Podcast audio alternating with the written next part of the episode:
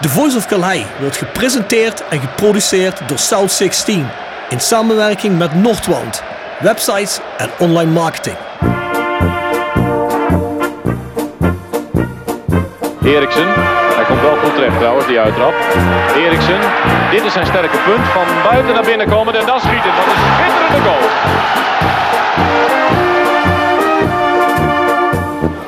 Hansen. Hansen nog steeds. En hij zit erin ook zeg, maar Rempel.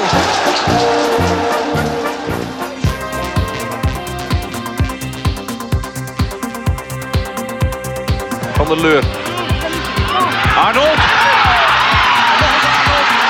Over de lijn, het is 1-1 of niet? Het is 1-1. Graham Arnold toch weer. De Australische tank. Let op Hansma. En dan is Sibon die die bal teruglegt op Van der Leur. Hij ramt 3-1 binnen in de 49ste minuut. En dan is de wedstrijd verlopen. toch al zo lang in de club zitten, door samen in geëerd werden. Daar hebben we er niet voor gedaan, maar dat is zo gekomen is. Dat deed mij persoonlijk en ook aan het Hendricks enorm. geven. Hadouier als hij rustig blijft. Hij blijft rustig. Roda op 3-1. Ja, dat kon niet uitblijven. Vente komt vrij voor het doel. Kan Roda toeslaan. Goppel en die zit erin. Het is 3-2 voor Roda. Kwartier voor tijd.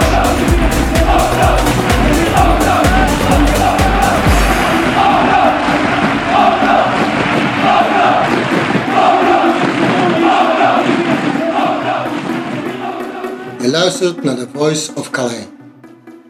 Ja mensen, we zijn terug met deel 2 van de podcast met Salvé Kuijer. En ja, we gaan gewoon verder waar we gebleven zijn. Wordt gepresenteerd door Hotelrestaurant de Veilerhof.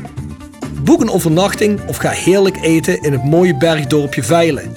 Voor boekingen ga naar www.veilerhof.nl En door Rapi Autodemontage aan de Locht 70. Voor al uw auto-onderdelen en het betere sloopwerk. Al 40 jaar een begrip in Kerkrade. Tevens gesteund door Fandom Merchandising. Jouw ontwerper en leverancier van eigen sjaals, wimpels en andere merchandising. Voor sportclubs, carnavalsverenigingen en bedrijven. Al jarenlang vaste partner van de Rode JC Fanshop. Check onze site voor de mogelijkheden. www.fandom.nl Je had, een, eh, je had weer een mooie anekdote over Nol Hendricks en zijn eh autobio of biografie. Ja, dus Theo Vaassen was eh, jaren bezig om proberen een eh, biografie over Arnold te schrijven.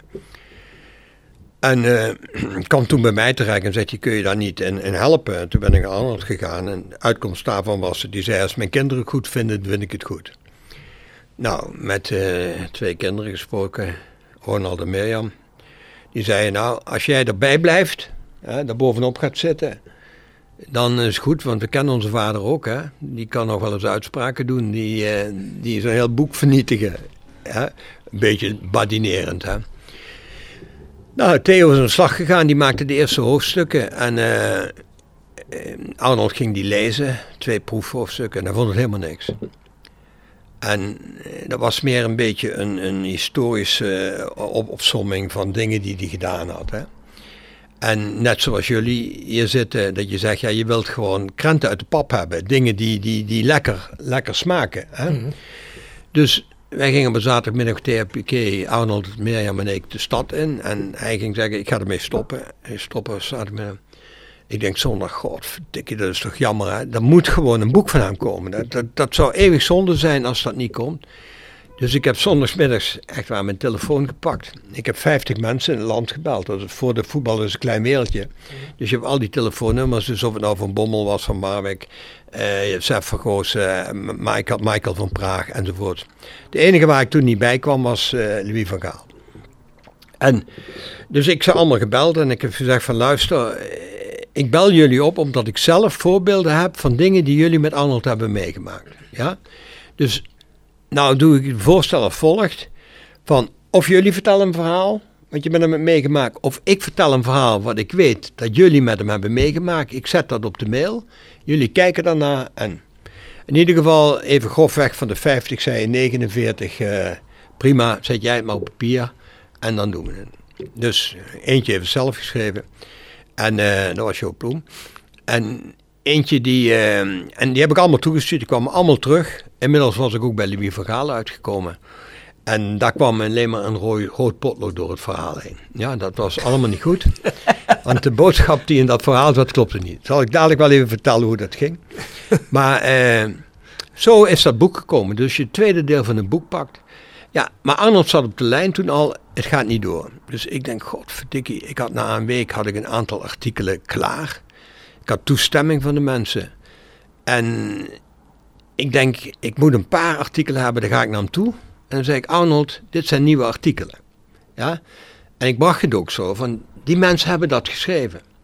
En ik had dus een paar artikelen gepakt waarvan ik wist, daar zou hij heel gevoelig voor zijn. Dus bijvoorbeeld, hij had het gevoel dat hij met Huub Stevens helemaal niet meer on speaking terms zat. Hè? Die laatste fase, dat, dat ging niet zo, zo lekker. En Huub had, ik had voor Huub een verhaal gemaakt. En Huub had dat echt helemaal onderschreven. Dat was bijna een hagiografie van Arnold, over Arnold. Hè? Dus ik kom er terug hè, en ik laat hem lezen. En ik laat hem een verhaal van Mark van Bommel lezen over die transfer van Mark van Bommel. Dat dat een van de grote pijnpunten van hem was, dat het niet door is gegaan. En wat Mark van Bommel vertelde over Arnold Hendricks, hè, dat hij, er was één zin die het bepaalde. Dat Van Bommel zei, toen ik hoorde dat Hendricks mij wilde hebben, dat vond ik zo geweldig. Want dat was een voetbalkenner. En die wilde mij hebben. Hè, dus dat was, en hij las dat en je zag hem helemaal. Dit was het boek zoals hij het wilde hebben. Ja, ja. En zo is het er ook, ook gekomen. En werkelijk waar. En terug even Louis van Gaal. Dus Louis van Gaal was een van de kandidaten om Jan Reker op te volgen. Ja, want je zei me voor deze podcast, je hebt een keer Louis van Gaal als sollicitant bij Roda Ja, gehad. ja. Dus toen Jan Reker wegging, die zei ineens in mei, terwijl hij een doorlopend contract had van nog drie of vier jaar, zei hij, eh, ik was nog net voorzitter, maar ik was wel al benoemd om directeur te worden. Toen zei hij, ik ga weg. Nou, dus wij gingen kijken naar opvolging, hadden een lijstje. Eh, toen, moet je even voorstellen, we hadden natuurlijk toch wel een hele mooie periode met Europese wedstrijden achter de rug. Roda speelde echt wel aantrekkelijk voetbal. Hè. was een aantrekkelijke club, ook voor trainers. Dus we hadden een lijstje. Louis van Gaal, Theo Vonk, Nol de Ruiter, Dick Advocaat, Chris Dekker. Chris Dekker was een trainer van Fortuna. Dat lijstje hadden we. Dus we begonnen met, eh, met eh, Dick Advocaat. Dick Advocaat toen, die vroeg een salaris, was trainer van SCV Schiedam. Hè. Had als trainer nog helemaal geen ervaring. Wij dachten, Roda Verleden, die is wel. Nou, die ging financieel in de boom zitten, dat konden we meteen vergeten.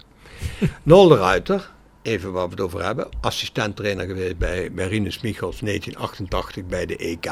Ja. Had ik notabene als trainer gehad bij het tweede van NEC, hoe een toeval. Dus Nol de Ruiter gesprek in Nijmegen hebben we dat gehad. Daar hadden we geen goed gevoel bij. Theo Vonk was de derde waarmee we spraken. Maar vonden we toch wel een hele aantrekkelijke trainer. Chris Dekker, eh, nee, zeiden we, is toch niet wat wij zoeken. En toen kwam Louis van Gaal. Dat was de vijfde waarmee we gingen praten. Historisch, hè? dat is echt magnifiek, vind ik. nog. Waar, waar zaten jullie? bij Theo Piquet op kantoor. Op zaterdagmorgen zaten we Theo Piquet op kantoor. Hadden zo laat af- afgesproken, eh, precies op tijd, wie komt binnen? Louis van. Maar wie is er niet? Arnold Hendricks. Ja? Dus, wij zijn bezig, we starten gewoon. Een kwartier later komt Arnold Hendricks komt binnen. En eh die gaat zitten. Meteen zegt Louis van Gaal, meneer Hendricks, dan moet je eens goed luisteren. Ik kom uit Amsterdam. Ik ben hier mooi op tijd. U komt hier uit Heerlen en u permitteert het zich om gewoon een kwartier later te laten komen. Dat kun je toch geen respect noemen voor iemand die u uitnodigt, hè? Dat was het begin. Goede sollicitaties dit. Maar wij hadden een gesprek met die man. Na afloop van het gesprek zeiden we... Hij was Beenhakker, hij was assistent van Beenhakker. Hè? En hij, Beenhakker was van Madrid teruggekomen. Hij vond het vreselijk. Hij vond Beenhakker een vreselijke vent. Hè? En Jan Reker had op dat moment een salaris van 350.000 gulden. was best eh, het pittigste salaris voor Roda. En wij hadden bij van Gaal, in zo'n gesprek stelden we ook de, de indicatie van het salaris. Dus wij zeiden 210.000 gulden is het salaris wat we maximaal bieden. Zei hij, dat is geen probleem. Dat, dat is geen probleem. Nou, uiteindelijk hebben we het, eh, gesprek afgelopen. En we zeggen, oké, ik was er nog voorzitter. De directeurschap zo'n paar maanden later volgen. Dus we zeggen, wat gaan we doen? Hij zegt, Arnold, dit is de beste die we gezien hebben. Dit is echt de beste die we gezien hebben. Die man die heeft een visie. Die heeft een overtuiging wat hij wat hij wil en dat soort dingen. Maar zegt hij, kun je je voorstellen, we hebben verloren. En die loopt de businessclub in. En die loopt tegen Frans Lucas aan, de aannemer. Eigenlijk zei hij, die loopt tegen mij aan, hij zelf. Iemand die verloren heeft, moet je niet bij hem in de buurt komen. En die begint tegen die trainer te vloeken. Van, wat heb je er weer van gemaakt? Die verhaal, die loopt gierend weg. Ja? Dus onze conclusie, een beetje op een ander abstractieniveau was... Deze trainer is te goed voor ons nu. Die kunnen wij niet bieden wat hij nodig heeft. Mm. Dus ik bel hem op. Ik zeg, Louis, ik zeg, we nemen je niet. we nemen je niet, je bent te goed voor ons. Ja. Hij werd kwaad, jongen. Echt, hij werd kwaad, hè. Ja. Van, eh, en Roda zou voor mij een prachtige club zijn. Ik zit in het begin van een echte, dat zou voor mij een echte uitdaging zijn. En jullie, ja, maar wij kunnen jou niet bieden wat jij vraagt. Jij loopt gillend weg. Nou, dus ging niet door. Uiteindelijk ging het met niemand door. Maar ja, Louis We weet natuurlijk zelf wel wat het beste voor hem is. hè. Ja, maar hij wilde echt, hè. ja precies. En ik stommerik, hè, achteraf bekeken, ik dacht, wat ben jij stom geweest? Jij zou twee maanden later algemeen directeur zijn geweest. Je had met die man kunnen werken, ja. En ik had echt de overtuiging, eh, met die man zou ik kunnen werken. Die overtuiging heb ik nu nog meer, als ik kijk naar de hele historie van Louis van Gaal. Ja. Maar het is wel een cruciaal moment. Hij wordt niet benoemd. Wij komen in een drijfzand terecht. Uiteindelijk werd het een soort nooitbenoeming, Adrie Koster. Ja, met relatief weinig ervaring, maar dat paste wel een beetje in onze visie. Jonge trainers, Van Gaal paste daar ook in, hè? jonge trainers die het nog moeten maken. Beenhakker gaat twee maanden later terug naar Madrid. Van Gaal wordt hoofdtrainer bij Ajax. Drie maanden later speelt Ajax bij ons. Ik sta met hem op het veld. Ja?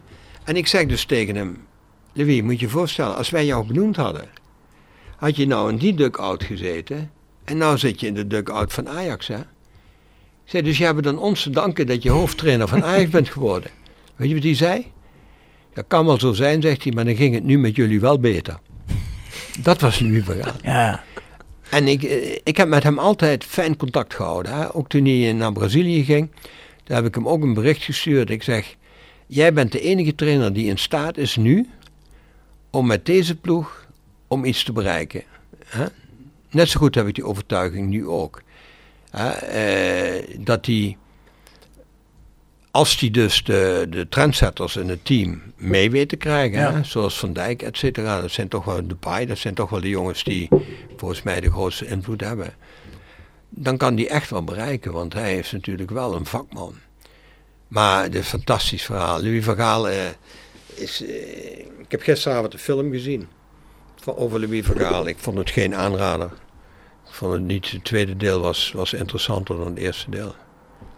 Maar ja, dat was onze, onze kennismaking met Louis van Gaal, ja. Dus had gewoon heel weinig of we hadden Louis van Gaal als trainer gehad. Ja, Want je had het over 91, 91, ja. 1991. Had een gesprek hadden we Ja. in mei, juni 91. Maar ja, goed, op dat moment wisten we nog natuurlijk niet dat Louis van Gaal de Louis van Gaal zou worden die uiteindelijk geworden Nee. is. Dus Nee, dat- tuurlijk niet. Anders had je hem waarschijnlijk gewoon gepakt. Als je dat Ja. geweten had. Nou, dan even terug naar het boek van Arnold Hendricks. Want ik zei net, er is één verhaal wat ik had geschreven en naar de betrokkenen heb gestuurd, dat helemaal met rode strepen terugkwam. Dat was een verhaal van Louis van Gaal. Want wat kwam er terug? Dat hij zei, ik ben bij Roda niet benoemd, omdat ik tegen Hendricks heb gezegd, het is niet fatsoenlijk dat je een kwartier te laat komt. Dat is het beeld ja, ja. dat bij hem bleef hangen. Eh, ik, ik kan, als je steeds meer naar hem kijkt, kun je dat begrijpen. Dat hij toch zoiets heeft van aangevallen worden. Hè? En als ik de, de, de, de vrienden van de media aanpak, dan zullen zij mij ook aanpakken.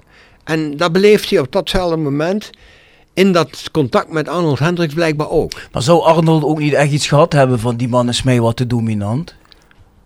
Zo, zo, ik denk dat nu je de vraag zo stelt, ik heb er nooit zo over, over gedacht, maar ik denk dat je daar echt wel eens gelijk in zou kunnen Nou, maar ik hebben. kan me goed voorstellen dat Arnold Hendricks en Louis van Gaal, zeker eh, als, ze, als, ze alle, als, als Louis van Gaal een tijdje op zijn plek zit en het begint over spelers te gaan. Ja, en ze zijn het er niet over eens. Kan ik me best voorstellen dat het grootste ruzie wordt. Hè? Ja, ik denk dat. Twee grote ego's. Ik denk wel dat ze beide vanuit hun eigen invalshoek zo zeker zijn van zichzelf. Dat waar ze het niet met elkaar eens zijn, dat ze er ook niet uitkomen. Ja. Ik denk dat dat wel zo is, ja. ja. En dan noemde je net bij dat rijtje trainers ook Theo Vonk. Ja. Maar die hebben we toch ook een keer wel als trainer Ja, die gehad, is, hè? die is toen Martin Jol wegging. Ja. Toen is eh Eddie Achterberg bleef. De spelers wilden Eddie Achterberg als trainer hebben. Als hoofdtrainer. Als hoofdtrainer. Ja. Arnold zag dat overigens helemaal niet zitten. En we speelden de tweede wedstrijd ook uit tegen PSV. En het werd 9-1 of 9-0 of 8-1, ik weet niet meer. Maar in ieder geval, na de wedstrijd zei Arnold Hendricks zo, zegt hij, één ding is nu duidelijk. Wie niet trainer moet worden. En toen, eh, toen is Eddie gewoon assistent gebleven. Martin is gekomen en die hebben toen de beker gewonnen. Hm? Nee, zeg ik het goed? Nee, eh, Theo Vonk is gekomen. En die hebben niet de beker gewonnen. Dat was Martin heeft de beker gewonnen en later Sef. Maar die, die is maar een paar maanden geweest. Ja, ja. En toen kwam die Belg.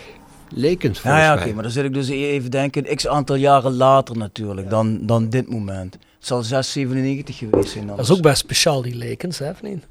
Ja, maar die heb ik dus zelf alleen maar van de zijkant echt meegemaakt. Hè. Eh, ja, George Lekens is wel een, een echte, eh, hoe moet je nu zeggen, eh, kruisvader. Hè. Die, die overal in de wereld is hij wel Ja, echt. want dat was een grote trainernaam, hè. Maar ik zelf wel zoiets van, oh, komt hij bij trainen? Ja, maar vergeet niet, hè, als je kijkt waar George Lekens goed in was. Hij was ook trainer van het Belgisch elftal toen de EK in Frankrijk was, 1998 of zo, in, die- ergens in die tijd. Speelde Nederland tegen. George Lekens stond bekend als een geweldige tacticus. En de wedstrijd tegen Milaan, die we ons allemaal kunnen herinneren, thuis en uit. Hè, want natuurlijk, als je praat over een van de meest memorabele goals internationaal, is, is toch die van Luipers ook wel. Hè. Maar de enige ploeg overigens die van Milaan gewonnen heeft van Nederland, hè, ooit een Europees verband, hè, dat was toen Roda. Dat je er in de verlenging weer met strafschoppen uitgaat, dat is wat anders. Maar George Lekens was trainer toen. En die bouwde toch tactisch een elftal op. Ja, met natuurlijk een, een glansrol voor de keeper. Die verdiende daar zijn transfer mee naar, eh, naar Milaan. Hè? Hoe heet die? die Kalac. Kalac, ja. Ja, ja, ja. Ja, Lekens was, die was bekend als eh, niet destructief eh, voetbal, maar wel tactisch heel sterk, gedisciplineerd voetbal vanuit een verdediging. Ja, en daar stond hij bekend om. Ja. Gepresenteerd door Jegers Advocaten. Ruist de Berenbroeklaan 12 in Heerlen. Hart voor weinig, nooit chagrijnig.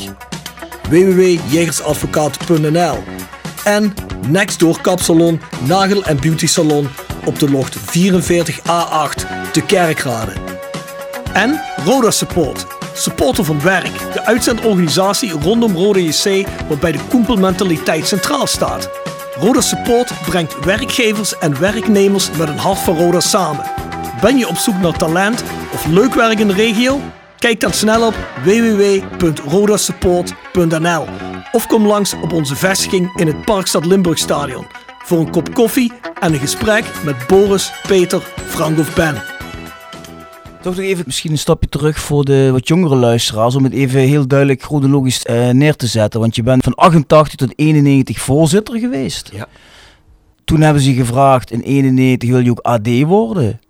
Dat heb je gedaan tot 1995. Ja. En van 04 tot 08 weer voorzitter, maar dan van de Raad van Commissarissen. Ja. Waarom ben je in 1995 vertrokken bij de club? Ja, alle spelers werden gescout, maar ik ook. Zo simpel was het. Hè. Kijk, eh, het academisch ziekenhuis in Maastricht, die zochten iemand voor de raad van bestuur. En hoe vreemd het natuurlijk ook is, hè. wat moet nou iemand uit de voetbalwereld doen in het hoogste orgaan van een eh, academisch ziekenhuis? Maar die kwamen bij mij uit om twee redenen. Eén, ik was dat ben een beetje naar buiten. Ik was een hele goede directeur personele organisatie. Dat vak had ik bij OC van der Grinten geleerd. In de jaren 70 topbedrijf op sociaal beleid. Ik was voorzitter van de personeelsmans, eh, zeg maar, in Limburg. Ik zat nogal wat in, eh, in posities. Maar in de raad van toezicht toen eh, zat Harry Bekkers als de voorzitter. Dat was de grote Shell Research directeur worldwide. Kwam uit Maastricht trouwens. En die zei, ja, maar ik heb gehoord dat die man het in het voetbal heel goed doet. En dat is een Wild Westwereld. Dat was zijn beeld hè, als researcher. Nou, en als je in zo'n Wild Westwereld je staande weet te houden. En vergeet niet, Roda was op dat moment. Ja, de ploeg die tweede eindigde. Hè. En toen die gesprekken begonnen, stonden ze bovenaan. Hè, tot 28 januari, geloof ik, eh, 1995, toen we uit tegen PSV speelden. En daar met 5-1 of 5-0 verloren. De dag dat Daewoo het sponsorcontract tekende in Eindhoven. Eh, ja, ik had natuurlijk ook naar buiten een, een, een mooi beeld. Dus die benaderde mij. En ja, ik had het ziekenhuis, was voor mij eterlucht. Daar had ik eh, twee keer in het ziekenhuis gelegen, dat was niet iets waar... Maar toen ik dat gebouw in Maastricht betrad, toen dacht ik, godverdomme, dat is toch wel een mooi iets. En ik kreeg een portefeuille op het gebied van personele organisatie. Ik kwam met een clubje van, van 5,6 miljoen budget, met 3 miljoen gat. Nou, dat was... Uh, en ik kreeg daar alleen aan personeelsbudget 300 miljoen. en jij werkt over 4.500, uh, later waren het 5.500 mensen. Ja, en het was wel een organisatie waar ik dacht van, daar, kun je iets toevoegen. Maar vooral ook, ik heb altijd ongelooflijk graag gewerkt met professionals. Dat vond ik bij voetballers zo. Ja? Dat vond ik bij OC zo. Als ik vakmensen om me heen had. Dat vind, ik, dat vind ik van advocaten, dat vind ik van accountants, dat vind ik van medici. Ik hou van specialisten. Waarom? Ik ben het niet. En ik zeg altijd, ik weet veel van niets. En een specialist weet veel van weinig. Maar als meerdere specialisten met elkaar praten, is het heel handig als je een verbindingsofficier hebt.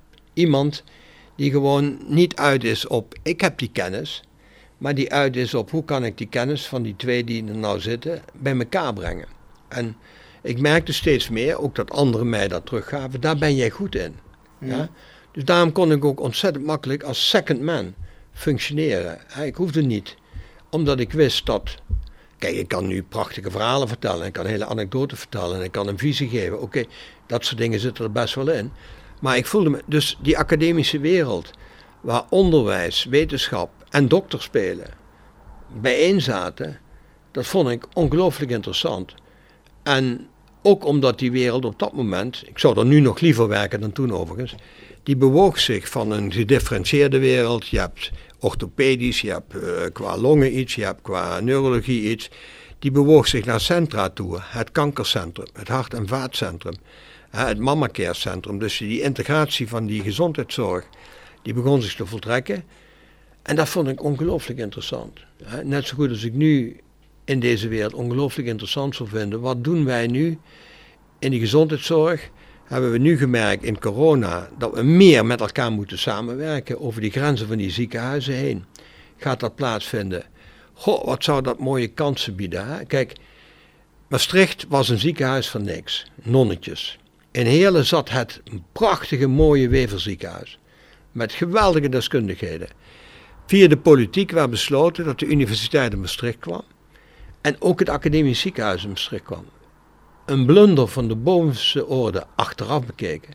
Als men een hele het academisch ziekenhuis had gevestigd in Maastricht, de universiteit, dan had je dus echt iets gecreëerd voor de hele regio. En mij heeft dat altijd geboeid, ja, om iets te maken waar je als regio in terug kunt vinden. Want we hebben het mooiste deel van Nederland, het mooiste landschap, de mooiste natuur. Hoe mooi zou het zijn als we ook daar een topcentrum verdeeld over de regio zouden hebben. Maar dat was niet geworden. Maar nogmaals, voor mij was het intreden in die wereld was ongelooflijk uitdagend. En ja, ik heb begonnen natuurlijk een, uh, een prachtjaar en je kunt er op, op voort hebben gebouwd. En misschien had ik uh, nog 10 jaar, 15 jaar bij die club verbonden kunnen zijn. Maar ja, de wijsheid bij mij was toen, ik ben overal zes jaar. Oké. Nou, duidelijk. Rob, hebben wij nog een uh, rubriek? Denk ja, het wel, hè? zeker. Section Frietenboot. Gepresenteerd door Herberg de Bernardeshoeve. Weekendje weg in eigen streek? Boek een appartementje en ga heerlijk eten met fantastisch uitzicht in het prachtige Mingelsborg bij Marco van Hoogdalem en zijn vrouw Danny. www.bernardeshoeve.nl En Stokgrondverzet uit Simpelveld. Voor al uw graafwerk, van klein tot groot. Onze gravels staan voor u klaar. Tevens worden we gesteund door Wiert's Company. Ben je op zoek naar extra personeel? Bezoek het kantoor van Wiert's Company in het Parkstad Limburgstadion of ga naar www.wiertz.com. Oh ja, de frietenboot. Ja. Zal serveet ook wel eens komen, denk ik, hè? Lekker frietje eten, of niet serveet? Beslist, Ja, normaal zaterdag. Oh ja, iedere zaterdag? Ja, dat was werd op. Dat was van thuis uit hadden we dat al vroeger. Friet vlees. Ja? Ja. Daar ben ik nog altijd liefhebber van. Ja, ja. En eh, Maak je het dan zelf of ga je het halen? nou, ik vind tegenwoordig van die slachter Logman, die heeft bij de, de, de Plus heeft die, die, die, die, dat zuurvlees liggen. Dat vind ik fantastisch. Lekker. Dat vind ik echt lekker, ja. Dus friet vlees is wel mijn eh, favoriet. Met mayonaise, appelmoes en witlof. Met eieren overheen. Dat is mijn eh, favoriete gerecht. Oké. Okay. Zoevlees stelt toch als een snack, of niet? Ja, maar zeker, zeker. Er is niks Toch? mis mee. Ja. Hey, ik neem eens even een vraag mee van onze goede vriend Marcel Klomp-Arens uit eh, Oostenrijk. Eh, die zegt namelijk, geachte heer Kuijer, u heeft als algemeen directeur de Gouden Rode Tijd meegemaakt. Heeft u er de afgelopen jaren niet eens aan gedacht om de handschoen Roda nogmaals op te pakken? En wat had u dan helemaal anders gedaan? Dan zou je misschien ook mee kunnen ingaan op het model van Roda zoals jij dat idealiter voor ogen hebt. Ja, eh, nee, ik heb, ik, heb, eh, ik heb me altijd betrokken bij Roda gevoeld. Ik heb het ook altijd gevolgd. Maar ik heb nooit meer de behoefte gehad dat ik iets eh, in de bestuurlijke zin zou doen voor de club. Ik heb wel de behoefte gehad om bestuurders die er zaten, om die, als die advies wilden hebben, om die, te, om die terzijde te staan. Dat heb ik ook vaak uitgesproken.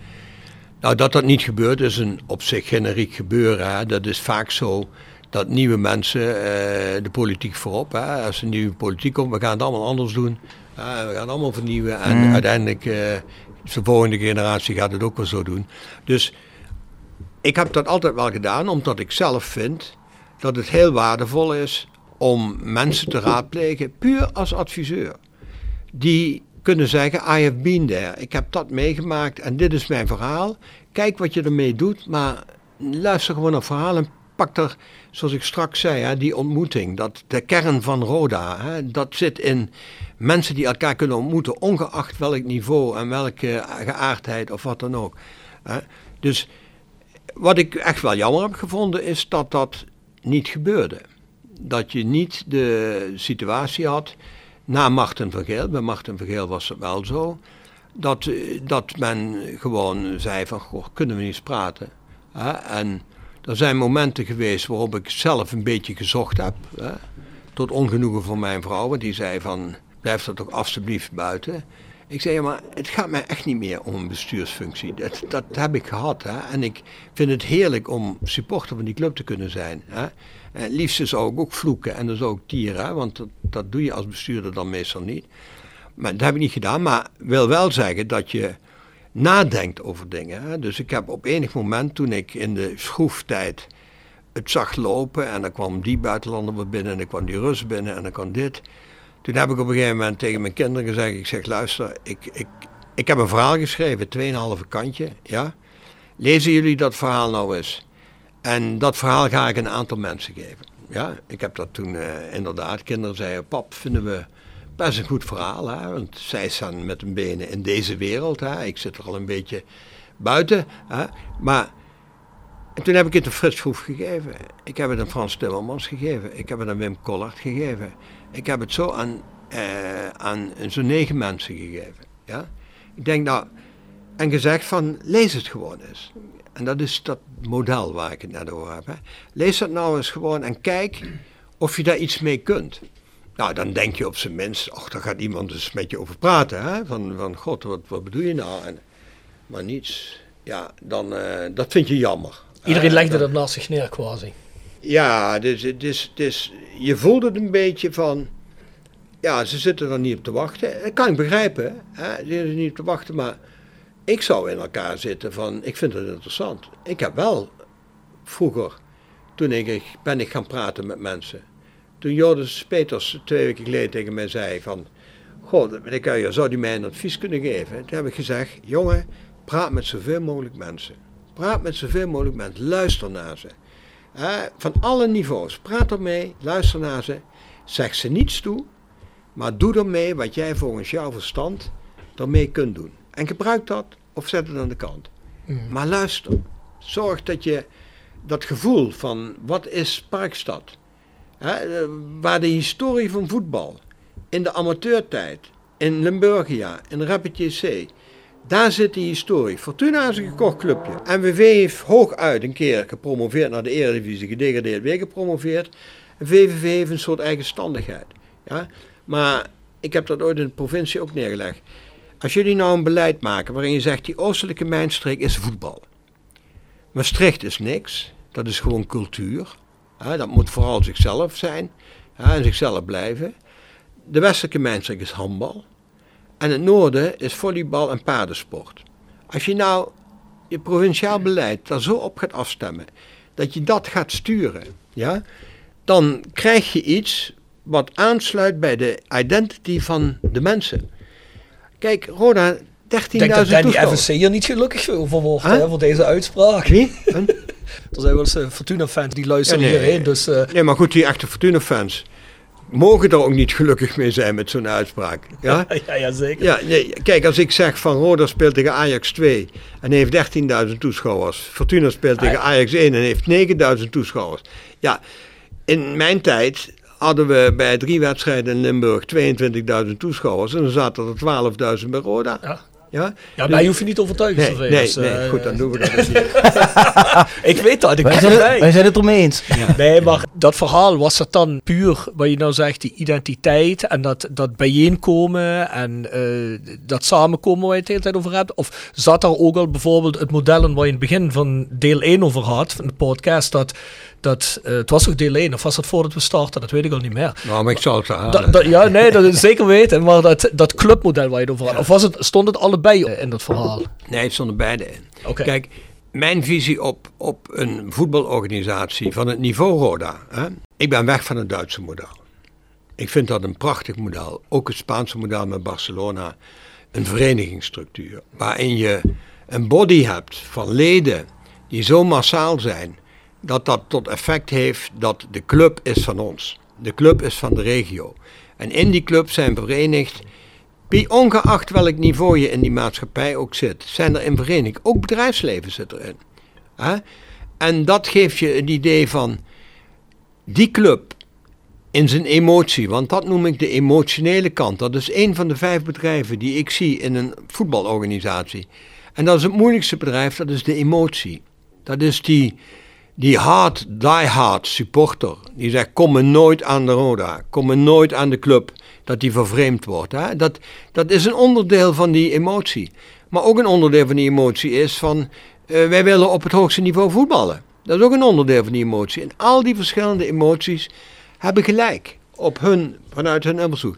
Als je die kunt verenigen in een verenigingsmodel, dat zou prachtig zijn. Hè? Dus in mijn denken zeg ik, dat dat deel van het bedrijf, van de vijf, zou ik noemen de vereniging Roda JC.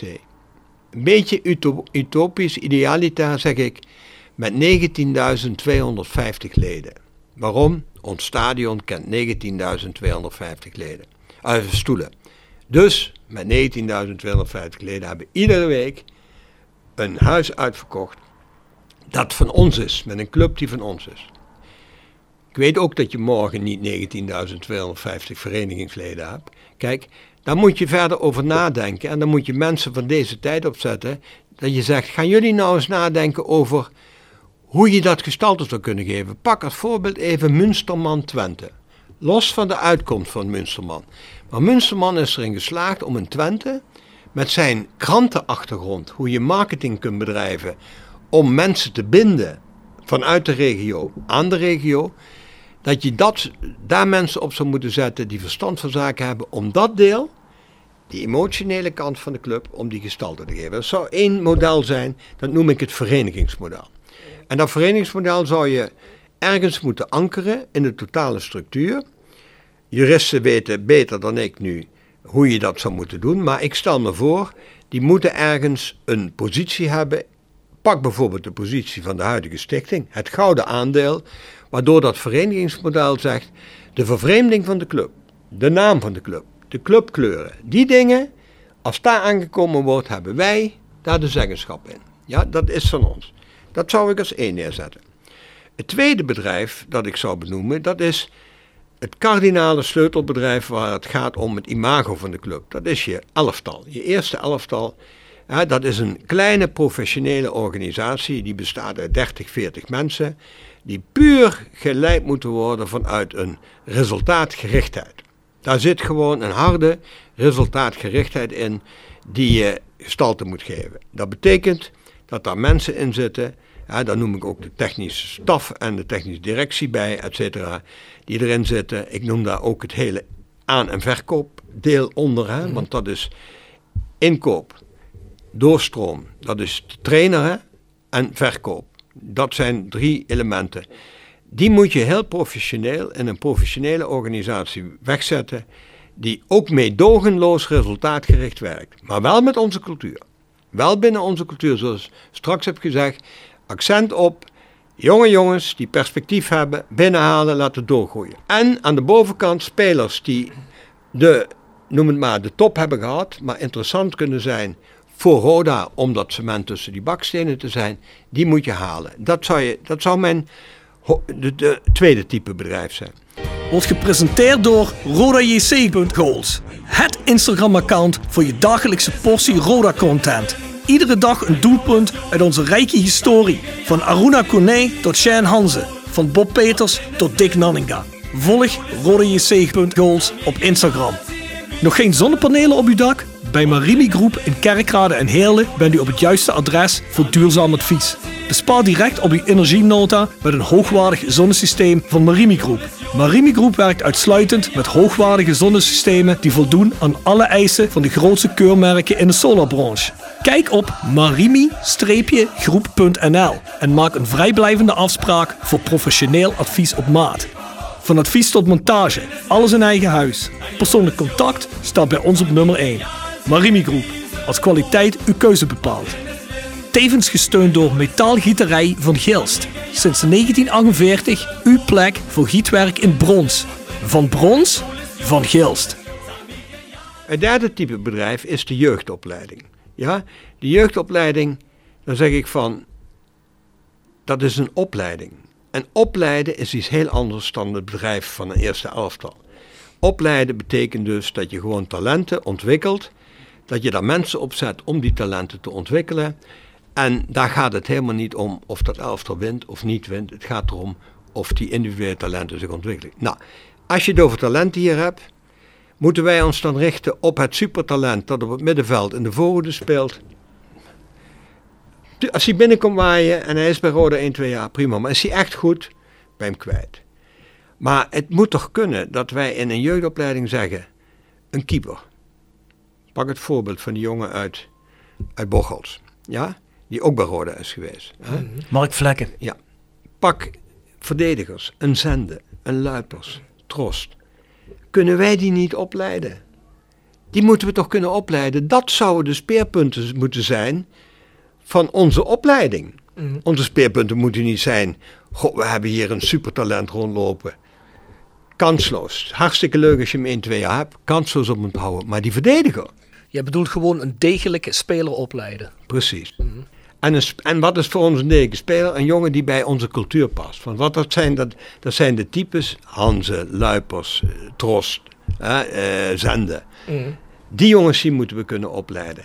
Daar zou ik, kijk, als ik daar jongens heb rondlopen bij Roda, een Trost heb ik rondlopen. Ik heb die, eh, weet die jongen die bij München Gladbach heeft gespeeld. Goed Brouwers. Roel Brouwers rondlopen. Dat zijn ras-echte verdedigers. Roel Brouwers, een hele simpele voetballer. Die ook goed kon koppen. Maar die kon wel, hè, die kon wel de balletje gewoon op tijd goed afgeven. Die jongen moet toch gewoon jongens kunnen trainen, dat dat is. Dat zou mijn jeugdopleidingsmodel zijn. Hè? En dan niet... Kijk, een goed jeugdopleidingsmodel weet je... Als je denkt aan mijn filosofie, heb ik 1 miljoen nodig. Om 1 miljoen moet ik steken dat ik een Roel Brouwers, dat ik een Tros, dat ik die jongens allemaal een salaris kan geven dat overeenkomt met een HBO-docent op HBO-opleidingen. Waardoor ik kan zeggen, die jongens zijn de regio gebonden. Hè, die zijn niet geboeid door de club, die zijn gebonden aan de club. Die vinden het mooi om voor de club iets te doen. Maar die krijgen wel een salaris waarvan ze kunnen leven. En die zet ik er bovenop. Ja? En eh, die wonen in de buurt en die gaan geen 100 kilometer per dag reizen. Nee, en die richten zich op dat wij over vijf jaar een achterhoede hebben staan die voor 80% komt uit onze eigen jeugd. Daar geloof ik heilig in. Dat zou mijn derde poot zijn. De vierde poot is de meest simpele, maar in de praktijk de moeilijkste. Dat is simpelweg je begroting.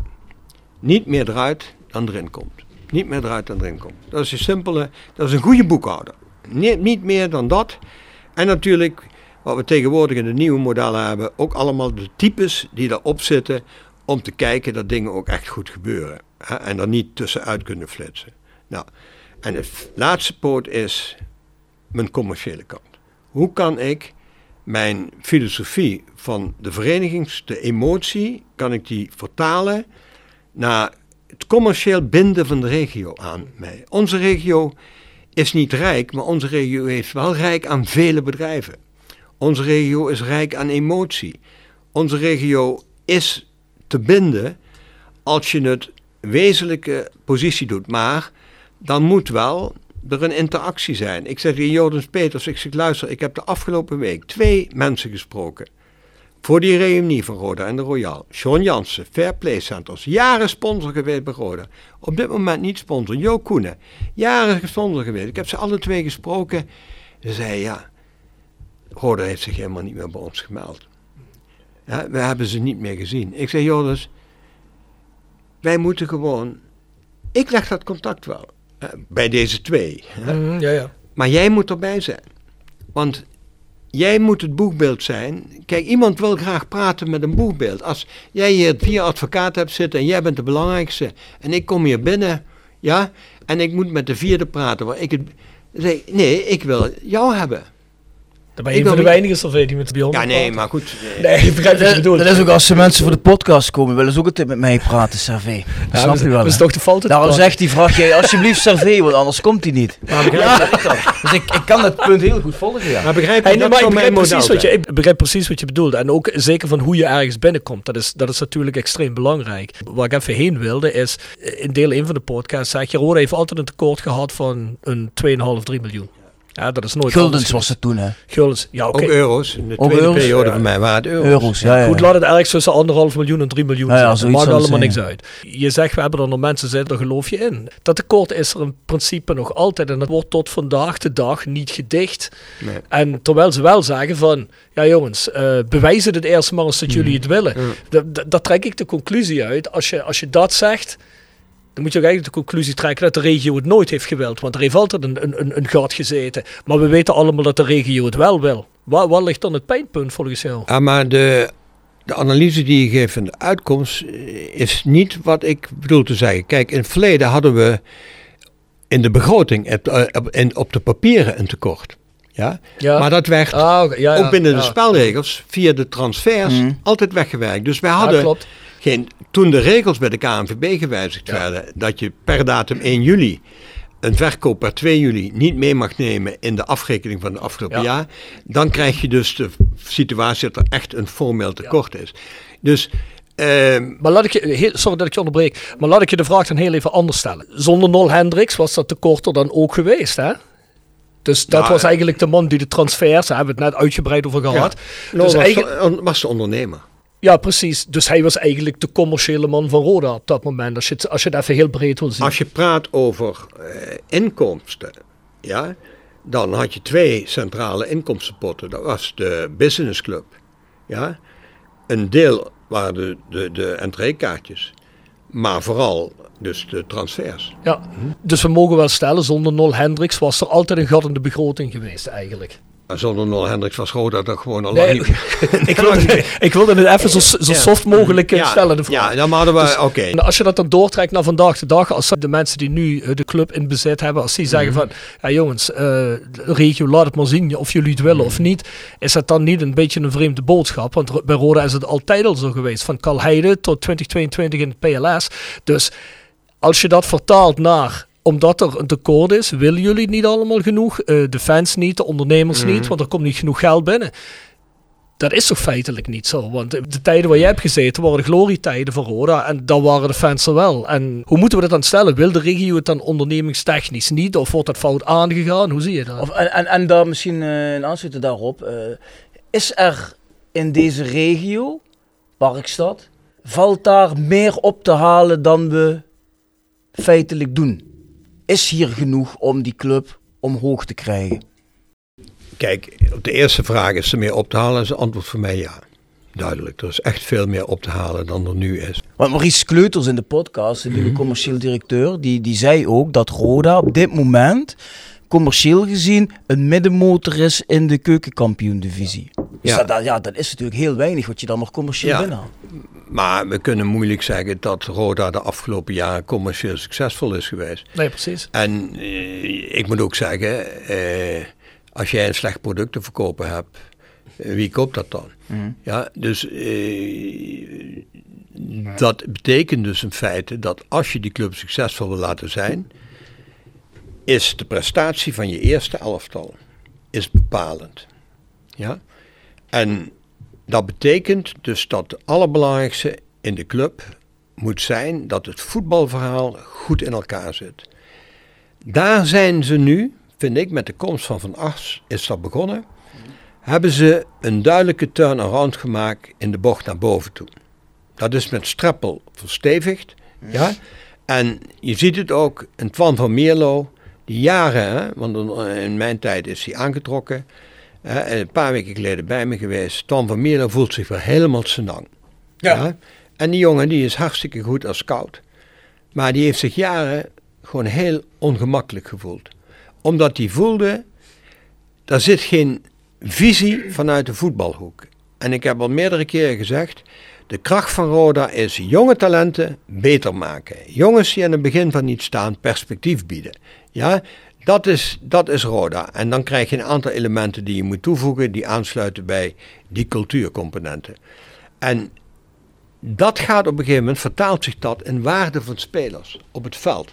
En dat betekent ook dat er een toegevoegde financiële inkomstenbron potentieel komt, die je niet hebt. Kijk, nu heb je met Vente en Bouchouari, hè, want dat zijn doorlopende contracten, heb je spelers die zijn geld waard. Ja? En daar moet je op doorgaan, dat je een elftal opbouwt waarin spelers zitten die gewoon voor de club structureel een inkomstenbron kunnen zijn. Om iedere keer weer opnieuw terug te gaan naar de basis, jonge talenten halen en nogmaals ouder hebben. Wat nu bij Roda gebeurd is, wat ik begrepen heb, de afgelopen twee jaar. Roda had twee, drie jaar geleden nog jongens rondlopen van 350.000 euro salaris. Moet je je voorstellen, Roda heeft nu een begroting van anderhalf miljoen, spelersbegroting, ja, en de duurste zit op een ton. Dat is goed werk. Dat je die turnaround maakt. Dat je zegt van wij hebben jongens er zitten van dat salaris. Dat betekent ook dat je daarmee altijd nog, hè, de eerste divisie zit 33, 40 procent zit op minimumloon. Mhm. Ja? Ook binnen die 33, 40 procent zitten godsverlaten goede talenten. Waar je bij Roda, laten we even uitgaan van anderhalf miljoen en 40 spelers, ja, of eh, ja, 40 spelers, nee, laat ik liever zeggen 30 spelers, heb je 50.000 gemiddeld te geven. Dat is gemiddeld, hè? Dat is meer dan het minimumloon. Dus als jij goed scout, ja, als je links en rechts een speler in de afbouwfase binnenhaalt, waar je even iets extra's voor betaalt, dan kun jij dat maken. Kijk, een elftal financieel vertaald is heel simpel. Je as is de duurste. De duurste speler in een elftal is je spits. Ja? Dan krijg je een bepalende middenvelder, een centrale verdediger. Backs zijn relatief goedkoop in het geheel. Ja? Buitenspelers zijn vaak eh, mensen die binnenkomen fladderen en die je weer laat uitfladderen. Je kunt een elftal in zijn waarde voor de elftal en in zijn waarde in geld kun je uitdrukken. En als je daar je beleid en je scouting op afzet, dan kun je heel ver komen. Con- conclusie, nu is Roda op de weg dat ze ook uit de waarde van spelers en waardevermeerdering van spelers op het veld een toekomstige inkomstenbron kunnen hebben. En die, dat is de katalysator van alles. Want dat betekent ook dat mensen in het bedrijfsleven, jij, jij commit je niet aan een loser. Je wilt je committen aan iemand die presteert. En daar moet je op doorspakken. En wij kunnen het niet hebben van een paar bedrijven die heel veel geld erin steken. Wij moeten het hebben van onze cultuur, veer, samen, die allemaal beetjes bijdragen. Mhm. En als je dan zorgt dat je boegbeelden ook daadwerkelijk zichtbaar worden voor, daarom ben ik zo'n voorstander van ze moeten hier wonen. hè. Dat ze hier zichtbaar zijn. Dat ze ook naast die, die 15 uurtjes die ze per week aan het trainen zijn, Ja, dat ze niet op de bank liggen en naar films zitten te kijken. Maar dat ze ook daadwerkelijk een paar uurtjes meedoen in... Ah, wacht even, we gaan naar Pietje toe en ik weet dat Pietje een liefhebber is van Vente. Ja, Vente, jij gaat mee naar Pietje toe. En Jordan Peters, jij gaat naar hem toe. En die commercieel directeur, die moet natuurlijk zelf in de rangorde van profiel van de club ook stijgen. Maar vooral in het begin bescheiden zijn. En zorgen dat degenen die aantrekkelijk zijn voor de potentiële sponsor. Of om de sponsor te behouden. Want het behouden van sponsoren is een heel ander verhaal dan nieuwe binnenhalen. Dat je dat vormgeeft. En dan geloof ik echt in, in, in de kracht van Parkstad. Want Parkstad vind ik echt in de lift zitten hoor. Als je ziet, Pak Parkstad is 10, 15 jaar geleden. En je kijkt wat op dit moment. Is bijna het grootste attractiepark van Nederland geworden. Gepresenteerd door www.gsrmusic.com voor muziek en exclusieve merch van Born From Pain, Madball, Death Before Dishonor, Archangel en nog veel meer. Ga naar www.gsrmusic.com. Tevens worden we gesteund door PC Data Logistics Automation. De partner voor leveren, installeren en onderhouden van geautomatiseerde ordeelverzamelsystemen. Zowel lokaal in kerkraden als globaal over heel de wereld. Ook worden we gesteund door Willeweber Keukens. Wil jij graag kwaliteitskeukendesign dat ook bij jouw beurs past? Ga dan naar Willeweber Keukens in de Boebegraaf 1 te Schinveld. Tevens gesteund door CellExpert. Versterk je immuunsysteem met vitaminesupplementen van CellExpert. Roda supporters krijgen 15% korting met de kortingscode RODA15. Nu ehm, is er heel vaak die discussie, die hebben we afgelopen zomer gehad en die zal komende zomer geheid weer komen. Eh, altijd de vraag natuurlijk van wat moet je doen als je bestuurder bent van zo'n club? Moet je zeggen, nou we hebben een moeilijk jaar gehad, corona, commercieel valt het iets tegen, dus het speelsbudget moet iets terug, hè, want er komt niet meer binnen, hè, de tering naar de nering zetten. Of je kunt zeggen, nou weet je wat, we moeten misschien toch iets meer risico nemen en daarin iets meer investeren, zodat we wellicht bij die eerste twee komen. En dan ben je uit die KKD, dan kun je naar de Eredivisie, want daar valt het uiteindelijk te halen. Ja. Hoe denk jij daar zelf over? Nou, even het verhaal wat ik net zei, hè, van zorg dat je duidelijk beleid neerzet dat geënt is op ontwikkeling en groei en daarmee markt, eh, marktverbetering en waarde van spelers. Geloof ik erin dat je met een kleine groep, maximaal vijf mensen, een spelersfonds zou moeten maken. Je zou dus gewoon moeten zeggen, luister, eh, we hebben nou die, die, die vier, vier mannen hè, die daar... eh, maar laten we nou eens met die vier als basis pakken om te zeggen, laten we eens apart kijken, kunnen we niet een spelersfonds maken van anderhalf miljoen, 2 miljoen, 3 miljoen, afhankelijk van. Maar niet veel, niet veel mensen. Want dat gaat spanningen oproepen. Hè? En een spelersfonds, waarbinnen je zegt van luister, dat spelersfonds, dat maakt het mogelijk om als je een bepaalde speler op de, op de korrel hebt, hè, en ik baseer dat een beetje op Van van Mierlo, wat hij mij een paar weken geleden vertelde, Ja. dat zij dus toen net twee spelers gemist hebben, weekend ervoor, die voor Roda ongelooflijk toegevoegde waarde zijn geweest en die voor hun neus, ze zouden tekenen op zaterdag, voor hun neus zijn weggepikt en naar eredivisieclub zijn gegaan. Dat als je op dat moment gewoon een budget apart potje zou hebben gehad. Dat je zou kunnen zeggen, zoals je bij Bouchouari ook hebt gedaan. Dat je zegt van, daar hadden we dan iets. Ja? Dat hier, oké, we hebben 50.000, 60, 70, 80 nodig extra om eroverheen te trekken. Daar hebben we dat budget voor. Dat kunnen we gebruiken. Hè? En daarmee pak je dus, sluit je aan bij je normale structurele scoutingproces. Alleen zeg je in de onderhandelingsfase gaan we in de eindfase even nolletje Hendrik spelen. Van, oh wacht even, ik krijg hem alleen maar binnen. Wij gaan Ooyer halen in Eindhoven. Met Peter Gerers komt hij binnen. Hij komt van Willem II af en hij gaat daarna naar Feyenoord. Ja, dus Arnold zegt, als we hem niet hebben aan het eind van het gesprek... en hij gaat de weg naar Feyenoord in, krijgen we hem niet meer. De uitkomst was dat hij dus zegt... Ik neem het risico, hè, want ik moet daar Roda dat geld voor schieten. Ik neem het risico, we geven hem zoveel meer. Nou, in die filosofie moet je denken, een spelerspot waarin je in de reguliere onderhandelingen een speler graag wilt hebben. Je komt er niet uit, je weet dat je scheef zit met je eigen begroting of Ja. scheef zit met je spelerssalarisverhoudingen. En dan moet je zeggen, kijk, en dan is het een kwestie dat je met die vijf mensen een afspraak maakt en dat je zegt van luister, zou mijn lijn zijn. Hè? Eén deel is liefde voor de club. Mhm. Je doet het uit liefde voor de club en je kunt je permitteren. Hè? Je moet geen marginale goudzoeker hebben die eventjes vanuit de hoek even mee. Je moet dus echt kunnen zeggen van, uit liefde voor de club doe je. En, oké, als die doorverkocht wordt, ja, dan gaat er een percentage van de winst, maar alleen dan, gaat naar jou terug. Bijvoorbeeld. Ja? Maar dan zeg ik van, en ik ben ervan overtuigd, als je zegt, wij moeten op pad naar vijf mensen, dat je dat lukt. Ja. Daar ben ik van overtuigd. Daar hebben wij natuurlijk ook al eerder over gehad. Dus eh, eigenlijk dat je dus zegt van nou, als je die specifieke speler wil hebben, maar die kun je uit je eigen begroting misschien net niet halen, dat je dan een potje hebt waar je uit kunt putten Ja. met een aantal mensen, die vermogende mensen die daarin investeren. Dat is eigenlijk wel een plan wat ook eh, een zaadje voor is gezaaid in het begin van dit seizoen. En wat de Rode eigenlijk nooit is opgepakt. Hè? FC, Volen, FC Volendam heeft het ook. Ja, ik weet dat Rode daar een aantal keer naar gekeken heeft, maar daar uiteindelijk toch niet Ja, voor dat is heeft niet echt gekozen. opgepakt hoor. Nee, ja, er is wel naar gekeken, maar waarom dat niet van de grond is gekomen, dat is eh, altijd vaag gebleven natuurlijk. Ja, weet je, ik, ik weet vanuit de FBO en wil zoeken. Hè. Serge Rosmeister heeft zich daar vaker mee bezig gehouden met die structuren. Eh, Je moet ongelooflijk oppassen. Je moet een hele sterke groep hebben die een binding met elkaar heeft.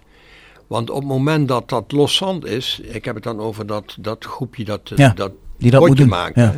Eh, die moeten wel van, echt van elkaar op aan kunnen. En eh, daar, ik noem niet voor niets de liefde voor de club. Hè? Ja. En eh, als je dat niet hebt, en dat wordt puur en alleen een zakelijke verhaal, hè, Ja. dat is het godzijdank bij deze jongens die er nu mee bezig zijn ook niet. Hè. Het, is een, eh, het is een combinatie van, eh, oké, wij doen dit, eh, maar dan moet wel nu ook in de club het nodige veranderen. En dat zien zij nu ook gebeuren, dus dat zou ook de basis kunnen zijn voor, eh, voor anderen, misschien mogelijk met een van hun of twee van hun, om dat, om dat vorm te geven. Ja, Ja, nee, je moet inderdaad ook niet daar 15 mensen in hebben, want dan krijg je natuurlijk, iedereen wil dan een plasje plegen over eh, welke Ja. speler wel of niet gehaald mag worden. Ja, werkt het natuurlijk niet. daar moeten ze echt buiten blijven. Nee, want in het kader van wat jij net zegt, die vijf pilaren, hè, waar jij het op baseert, dat model voor jou. Ja, als je nu naar Roda kijkt, dan is dat natuurlijk heel anders. Het is natuurlijk ook budgettechnisch dat je geen miljoen in de jeugdopleiding kunt steken. Maar ook dat hele verenigingsmodel. Ik, ik heb niet echt het gevoel dat, dat ze daar bij Roda op dit moment op zitten te wachten. Want dat gouden aandeel, dat ligt nu bij het stichtingsbestuur. Ja. Ja. Maar dat hadden ze ook net zo goed in iets kunnen leggen, zoals een Roda 1962. Hè, waar ze nu van hebben gezegd, je mag er misschien een veto over uitspreken bij duizend man. Er zijn geen duizend man in die vereniging. Dus hè, dat, dat heb je nog altijd niet. En dan vraag ik me dus af, ja, maar waarom geef je dat niet? Gaat toch een club, kleuren, speel, een plek waar gespeeld wordt, et cetera. Een stukje identiteit, traditie. Dan denk ik van, ja, waarom wil je daar zo hard aan vasthouden? Waarom moet je daar die controle over hebben? Dus daarom vraag ik me ook af of iedereen die nu de club runt, of die überhaupt al oren hebben naar een model waar ze überhaupt de verantwoording moeten gaan afleggen aan zeg bijvoorbeeld een 19.250 man. Daar zal ze helemaal niet op zitten te wachten, denk ik. Hè? Ik, ik, ik ken de mensen die daar nu in zitten eh, van buiten. Een paar heb ik mee gesproken. Als ik als buitenstaander naar kijk, zeg ik, het hele goede vind ik nu, er is een bepaalde rust in de club. Er is een bepaalde rust. Als je nou al een half jaar geleden kijkt, of drie kwart jaar geleden, en je kijkt nu, er is een bepaalde rust. Natuurlijk, die prestaties op het veld, die zijn daar een hele belangrijke factor van. Maar ik begrijp heel goed dat je niet zes klappen in, zes stappen in eens kunt zetten. Dus je moet eerst nu, en dat loopt goed, dat voetbalverhaal op de. Je moet rust creëren. Dat, dat er vertrouwen komt in die club. En ik vind dat nu terug in de, op de tribunes en ik vind het terug in de ruimtes van vrienden en businessclub. Dat is een ongelooflijk belangrijke stap vooruit. Ja? Ik denk dus dat je kijkende naar die mensen, dat zijn geen kattenpismensen, dat zijn mensen met een respectabele staat van dienst. Die moet je ook even, oké, zo'n zo'n verhaal van mij hoop ik dat hun ook prikkelt om een bepaalde manier te denken. En zo zullen er ongetwijfeld meerdere verhalen zijn. Kijk, als zij de kans krijgen om de tijd te nemen om stapje voor stapje te gaan doen, dan is dat goed. Kijk, we hebben eh, supportersverenigingen. Ja, dat is, dat is fantastisch als je kijkt individueel wat die doen. Ja, Eh, oké, ze bestrijden elkaar, dus nog allemaal niet samen. Maar het wil niet zeggen dat er straks toch meer naar elkaar kan toegroeien. Ja, en dat is toch kom ik toch weer terug op de ontmoeting. Je moet in de bestuurlijke zin geleidelijk aan inslijpen dat een bepalend onderdeel van de Roda essentie is het elkaar kunnen ontmoeten. Het gevoel krijgen dat we samen iets zijn. En dat gaat niet van de ene dag op de andere dag. Dat gaat iets dat je beleidsmatig stapje voor stapje moet zetten. En de sleutel van alles is: zorg dat je op het voetbalveld doorpakt, dat je beter wordt.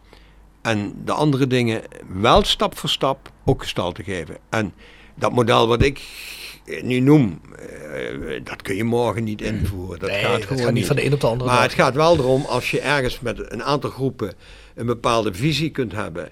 Eh, Schalke heeft 210 supportersverenigingen. Ja, iedere supportersvereniging vindt zichzelf de beste. En vindt zelf dit of dat. Dat moet je ook mooi zo laten. Maar eh, in mijn model zeg ik, ergens kunnen die individuele supportersverenigingen, mooie supportersverenigingen, en toch lid zijn van iets groters. Mm. Dat, dat het versterkt. Hè? En ja, ik hou ook van leuke kleine clubs. Vind ik ook prachtig. Mm. Hm? Dus, maar dus zoeken, ik heb daar, daar heb je nou mensen voor nodig die meer nu in, eh, in, het, in deze tijd staan. Hè? Die de power en de kracht hebben om daarover na te denken, om daar overleg over te voeren, om mensen mee te gaan nemen, om dat te kunnen bereiken. Mensen zijn nu enthousiast, hè, want er wordt leuk gevoetbald. Vorig jaar zijn we geloof ik achtste geëindigd, nu staan we vijfde. Eh, stel je nou voor, je zou de, de play-offs niet winnen en je speelt volgend jaar weer KKD. Ik denk dan wel dat het nodig is dat je dan een manier zoekt om eh, naar komend seizoen toe weer een stapje hoger te gaan. Misschien richting plek 1, 2, 3. Want als je misschien een stapje terug zou doen dan naar 7, 8, ja, dan hebt dat goede gevoel misschien wel weg. Ik denk dat daar ook zo naar gekeken wordt binnen de club. Dat kan ik niet beoordelen, maar dat is wel spannend. Want eh, het verwachtingspatroon stapelt zich. Ja, en eh, je bent verleden jaar heb je een hele duidelijke beweging gemaakt. Mhm. Die zet je dit jaar op een bepaalde, in ieder geval op een hoger niveau voort. Hè? Ja. Want je bent echt, eh, je bent kandidaat om derde of vierde te worden. Zeker. Hè? Als je naar het programma kijkt. En ja, dat betekent dat met alle ellende die de Roda mensen de afgelopen jaren, de supporters hebben moeten ondergaan, dat als je morgen ineens een grijze middenmotor wordt, dan is het gevoel in één keer weg. Dan is het, eh, oh, daar gaan we weer. Dus je moet hopen dat men op dat voetbalgebied erin slaagt om dat elftal weer een stukje te upgraden. Kijk, wat ik persoonlijk vind, verleden jaar hadden wij een paar backs die waren aanvallend fantastisch. Verdedigend waren het gewoon nullen. Ja. Het waren gewoon, Ja, dat waren net alsof die alleen maar dachten als ik een bal heb, ik moet naar voren toe. Ja. Wat ik fantastisch van Strappel vind, als je nu kijkt naar die verdediging en je kijkt naar het aantal tegendoelpunten dat Rode heeft gekregen in de laatste tien wedstrijden. En je kijkt naar die backs, ja, dan is dat een heel ander type back wat aan het voetballen is. Maar het is wel dezelfde jongen. Ja. Dus er gebeurt iets in de, in de ontwikkeling die door die technische staf met die spelers samen plaatsvindt. Dat op zich in geldwaarde vertegenwoordigd waardevermeerderend is. En ik ben er wel van overtuigd dat op dit moment, eh, en ik denk ook hè, dat eh, zo'n Twan van Mierlo, hoe die nu bezig kan zijn, eh, welke aanvloes hij heeft gevonden, ook bij Strappel. En een toegevoegde waarde van Jordan Peters, want die komt eigenlijk uit het kleed van, de zweet van de kleedkamer. Ja. Dat die jongens in staat moeten zijn om in die geweldige grote put van, van, van talenten, want die is er. Ja, en laten we zo zeggen, wil jij spelen, eh, heb je even gekeken, Emmen speelt eh, eerste plaats, 8000 toeschouwers. Volendam speelt tweede plaats, 5.500 toeschouwers. Roda staat zesde, 13.000 toeschouwers. Ja? Nou, vanavond zullen er misschien zeven zijn, misschien acht zijn, maar je bent wel bij de top aan toeschouwers. Wat denk je voor ieder talent dat daar is, en die krijgt de kans om morgen in dat mooie stadion te voetballen, met een goede trainer. Dat willen ze wel. Ja, dat willen ze wel. En eh, dus er zijn, ik vind dat er zich kansen zijn aan het dienen, dankzij de mensen die het nu zijn aan het doen, waarvan je linkt hopen dat Ja. die zich nu ook verder voortzetten. Ja, dat, dat is het punt. Hè. Je moet inderdaad hopen dat men dat ook ziet. En dan dat, dat, dat er iets ontstaat waardoor we komend seizoen misschien nog meer competitie kunnen leveren. Met een beetje geluk had je dit jaar al tweede kunnen worden. Je, je staat er niet heel ver vanaf. Het zou zonde zijn als je komend jaar een stapje terug zou moeten zetten. Omdat bijvoorbeeld een Patrick Fluke misschien dan naar een eredivisieclub Ja. gaat. Moet je die jongen alweer vervangen. Dat is natuurlijk wel jammer dat je die dan niet bij elkaar kunt Maar houden. het is, geen- is, geen, is geen positie die in het elftal niet te vervangen is. Kijk, Fluke is gewoon hartstikke goed. Maar ik ben ervan overtuigd dat op die positie van Fluke... Hè, toen die snelle jongen verleden jaar wegging, wat dachten we toen? Wie, wie, wie was dat? Ja, weet je, die naar Duitsland is Oh, Goppie. Goppie. Ja, Goppel. dat is een fantastisch leuke jongen. Dus daar- daarvoor ga je kijken, toch? Ja, Niet? Zo'n dingen. En dan denk je, god, die gaat weg.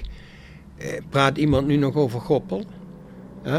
En, en, en Fluke, eh, ja, kijk, hij is hartstikke efficiënt. Hè? Maar dat was die jongen die nu bij Sparta speelt. Hè? En daar, nou, Engels. goal- Engels. Wanneer maakt hij een goal daar op dat niveau? Hè? Dus, de, Ja, er zijn, er zijn genoeg goede eh, talenten en spelers natuurlijk. Ja. dat, dat, dat is zo. Kijk, het is natuurlijk wel zo, hè. ehm, of die jongen straks ergens slaagt, is een tweede. Heel cru gezegd, dat boeit ons ook niet meer, want hij is weg, hij heeft niks meer met ons te maken. dat is waar. Hè? En zo zijn er legio voorbeelden ook in het verleden natuurlijk. Maar ehm, kijk, ik ben het er helemaal mee eens. Als het voetballend goed gaat, tilt dat alles op. Is ook logisch, het is een voetbalbedrijf. We, zijn, we zijn niet een Ja. kegelclub, we zijn een voetbalclub. Dus als het voetballend goed gaat, en daarvoor zitten we ook bij Roda, omdat we van de voetbalclub houden. Dus als dat goed gaat, tilt dat alles omhoog. Er is meer bereidwilligheid, meer mensen, er komt meer geld binnen. Sponsoren willen er meer bij horen. Zeker als het leuk voetbal is zoals nu, is het allemaal sexy. Iedereen wil erbij horen. Hè? En zoals jij in het begin zegt, van mensen vragen je weer, eh, hey, eh, hoe is het nou met Roda? Hè, dat heb je Ja. jaren niet meer gehoord. Ja. Omdat het allemaal maar lelijk was, hè, afgelopen jaren. Het ging niet goed. Maar wat jij net vraagt, Sylvie, denk je dat die mensen zich dat realiseren? Ik denk dat dat draadje heel dun is. Want op dit moment, en daar ben ik het helemaal met Sylvie eens, je hebt nu mensen er zitten, en die credits moet je ze ook zeker geven, met een Jordans Peters. Hebben we zelf genoeg mee gepraat en een communicatie mee. Goeie gast. Maurice Kleuters maakt ook een goede indruk, die commercieel directeur. Jurgen Streppel heeft Roda sportief uit moeras getrokken de laatste twee jaar. Ja, Maar je, bent- je zit altijd van zijn we al op dat punt waarin Jurgen Streppel zegt: Ik ga me meerjarig verbinden aan Roda? Of dat dadelijk bijvoorbeeld eh, als Willem II zegt: Als ze degraderen en ze moeten weer terug, ze gaan weer opnieuw bouwen, het zal allemaal te duur is. En die zeggen dan tegen Jordans Peters: Hey Jordans, je bent de man van de club, wil je niet bij ons AD worden? Dan zijn we die mensen. Het draadje is nog zo dun, weet je wel, dat, je, dat je bang bent dat je net die mensen waar je nu net denkt: Shit, we hebben nu een combinatie van mensen gevonden bij de club, die kunnen de club weer terugbrengen. Dat draadje is zo dun dat dat weer knapt. Is die band al groot genoeg? Begrijp je wat ik bedoel? Het is Ja, nee, dat, dat, is een Ja, beetje verlengde, dat is een beetje het verlengde wat ik zeg. Ja. Ik, ik ben dan ook vaak bang dat ze misschien zeggen van... Luister jongens, ja, als het financieel komende zomer niet mogelijk is om die stap omhoog te zetten... Ja, dan is dat maar eenmaal zo. Want dit is wat we hebben afgesproken. Terwijl Servé ook misschien meer op het spoor zit van... hey, laten we gaan kijken, hoe kunnen we creatief misschien net die twee, drie betere jongens halen? Nou, dan denkt Servé, Mhm. nou, zo'n spelersfonds zou een idee kunnen zijn. Ik weet niet of die mannen ook zo denken van... we moeten nu die stap omhoog gaan zetten. Misschien denken zij van, Mhm. als het er nu niet is, ja, dan moeten we maar nog één of twee jaar wachten. Ja, dat soort kwalitatieve mensen, die gaan dan naar, naar, naar een club die wel die ambitie uitspreekt. Ja, precies. Daar ben ik een beetje bang Ja, voor. maar kijk, eh, in mijn ogen is eh, iedereen vervangbaar. Ja, dat is een uitgangspunt. Ja, hem Als we ook dadelijk eruit zoveel. Dus uh, volgend jaar nemen we Maar- anders. Nee, in. maar, nee, maar wat jij zegt, maar hey, kijk eens tien jaar geleden terug, kwamen we met z'n drie tot de conclusie, Marcel van de Bunder, er zette het verval in. Kijk, dus eigenlijk, voor Marcel van de Bunder kwam er daarna. Ja, het is wel vervangbaar, maar waar vervang je het mee? Ja, maar de basis van het ding is niet de persoon, de basis is je visie. Wat zijn wij als club? Zijn wij die club die talenten ontwikkelt? Zijn wij die club die leuk voetbal wil zien? Zijn we die club die eh, voetbal wil laten zien waar strijd in zit? Zijn we die club? Nou, als we dat zijn, dan passen daar types bij. Als ik nu kijk naar de feitelijkheid, dan zeg ik, Strappel past er perfect in. Kan gewoon ontwikkelen. Ja, heeft een commitment met die club. Jordans Peters, eh, ik heb hem verleden week gezegd, Jordans, eh, kijk jij nou, hoe kijk je nou naar Willem II? En als ze morgen op de stoep staan, wat ga je dan doen? Ja, precies. Weet je wat hij zegt? Meneer Kuijer zegt hij, ik heb gekozen, goed over nagedacht, ik heb gekozen voor Roda. En ik wil hier wat neerzetten. En dat zegt hij niet, denk ik, zoals ik hem nou zie. Vanuit, dat is het verhaal wat je wil horen. Die zegt dat omdat hij kijkt naar zijn eigen ontwikkeling. Die zegt, ik ben nu 34 jaar. Ja? Als ik die kwaliteiten heb broekie, die hè? anderen mij toedichten, ja. Ja. kan ik nog 30 jaar in die voetbal mee. Ja? Nou, laat ik nou eens kiezen om vier, vijf jaar bij Roda echt iets te maken. Mhm. Wat betekent dat? Dan ben ik 39 jaar. En dan ga ik een volgende stap zetten. En als ik echt wat gemaakt heb, ja, dan kan ik een volgende stap. Ben je nog steeds Als- jong? Dan ben je nog steeds ben je piepjong. In ieder geval jonger Ja? als mij. Nee, maar begrijp je? Dus ik zie nu. Kijk, en dit zijn jongens die zitten op kardinale posities. Ja. Die zitten zelf in een groei. Die gaan dat ook van de omgeving vragen. Die gaan van die omgeving vragen: kom op jongens, kijk nou eens hoe wij bezig zijn. En die omgeving gaat zeggen: ja, jullie zijn goed bezig. Jullie geven mij niet, ik hoop iets, maar ik begin er echt in te geloven. Dat we die richting doorzetten. En dan, als je verstandig bent, ben je als bestuurder altijd beter bezig. Als morgen Streppel weggaat, welk lijstje heb ik klaar? Als een Jordus Peters weg zou gaan, welk lijstje heb ik klaar? Maar ik weet wel één ding, ik zoek dit type. Ik zoek zo'n type al. En ik ga niet meer kijken naar een, eh, een, een 50-jarige. Nee, ook een jongen van 30 jaar. Hè? Ik hoop dat ze inderdaad bij Roda er ook zo heen kijken. Hè? Want, Nou, wat, die mensen gewoon, die ontwikkelen zich ook en die luisteren ook. Misschien ook Ik hoop naar het. dit verhaal, wie Ja. weet. Hey Rob, doen wij nog de laatste rubriek met Servé? En dan eh, gaan we denk ik deel 2 afsluiten. Of voor de mensen die luisteren. We hebben net in de pauze met Servé afgesproken dat er ook nog een deel 3 gaat komen.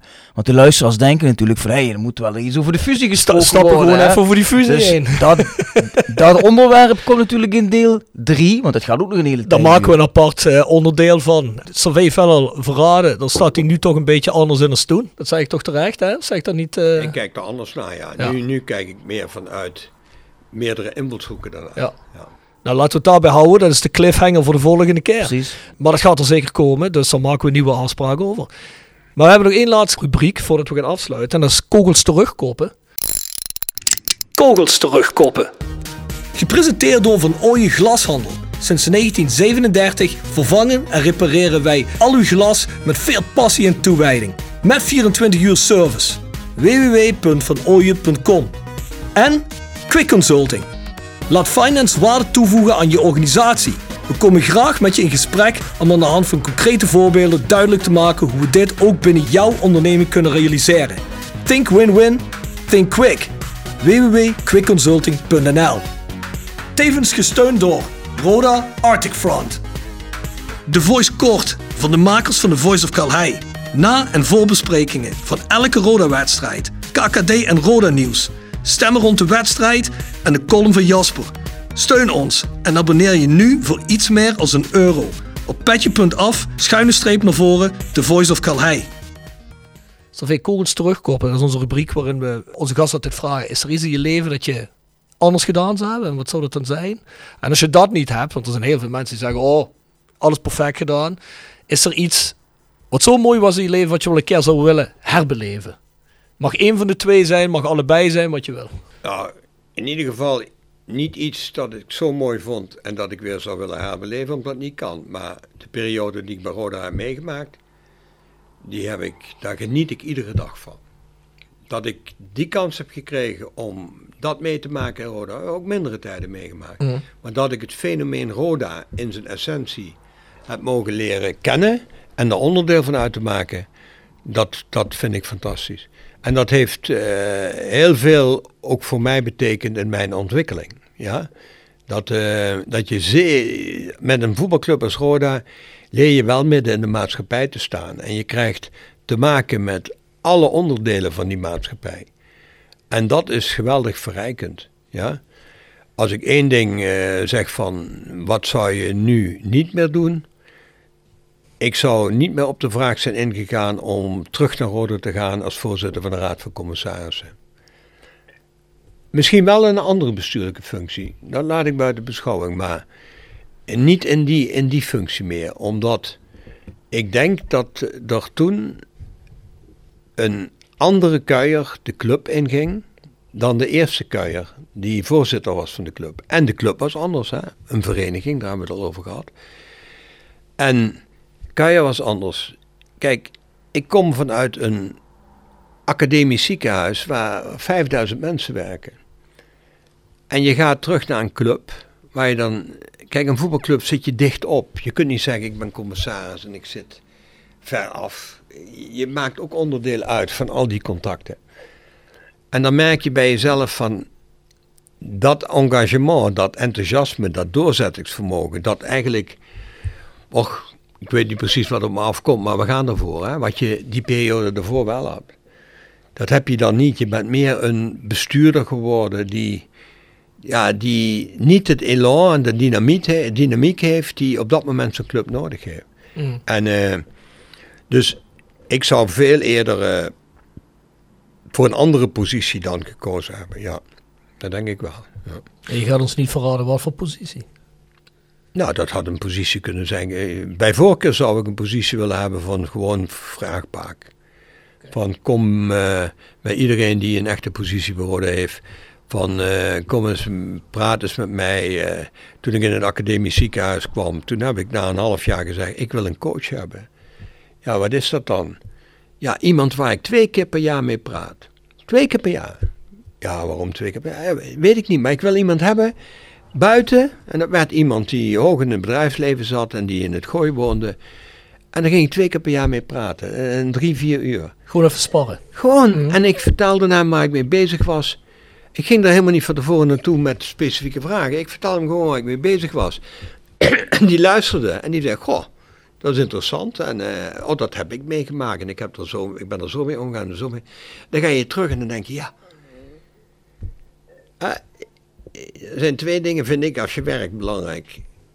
Als je einde van de dag naar huis gaat en je kunt zeggen, ik heb wat geleerd vandaag. Ja. En het tweede ding is, de mensen met wie ik werk vinden het leuk om met mij te werken. En ik vind het leuk om met die mensen te werken. Alle anderen bepaal ik niet. Of ik het goed doe of niet goed doe, dat bepaal jij als je mijn baas bent. Of dat bepaalt mijn omgeving als die die er zit. Maar die dingen wel. Dus iedere keer krijg je bij mij twee elementen terug. Hè? Dat is, zorg dat je met elkaar contact hebt. En twee, zorg dat je altijd ontwikkelt. En daarom geloof ik in jonge mensen.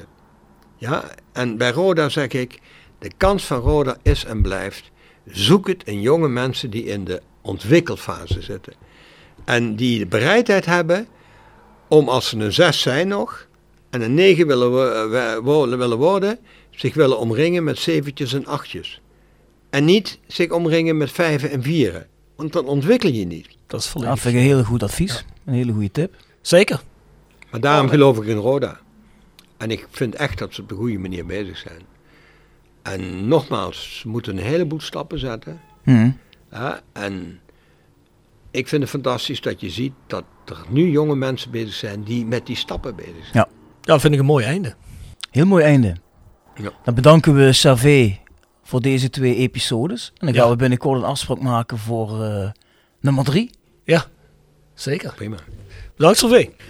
De vrienden van de podcast. Begin maar. Jegers Advocaten. Next door Kapsalon Nagel en Beauty Salon. Hotelrestaurant de Veilerhof. Herberg de Bernardeshoeve. Noordwand. www.gsrmusic.com Stokgrondverzet. Rapi Autodemontage. Van Ooije Glashandel. Quick Consulting. Wiertz Company. Fendo Merchandising. Nederlands Mijnmuseum. Marimi Sola Heerlen. Rode Support. PC Data. Metaalgieterij van Geelst. Willeweber Keukens. Celexpert.nl. En Rode Arctic Front. Rode fans uit? Scandinavië. Zeker. The Voice of Calais at south16.com is ons mailadres. South16.com is ons webadres. Ga er zeker kijken. En petje.af, schuine streep naar voren. The Voice of Calais vind je de voor- en nabespreking met The Voice kort. Vergeet je niet te abonneren. Daar waar je deze podcast streamt. Mensen, tot volgende week.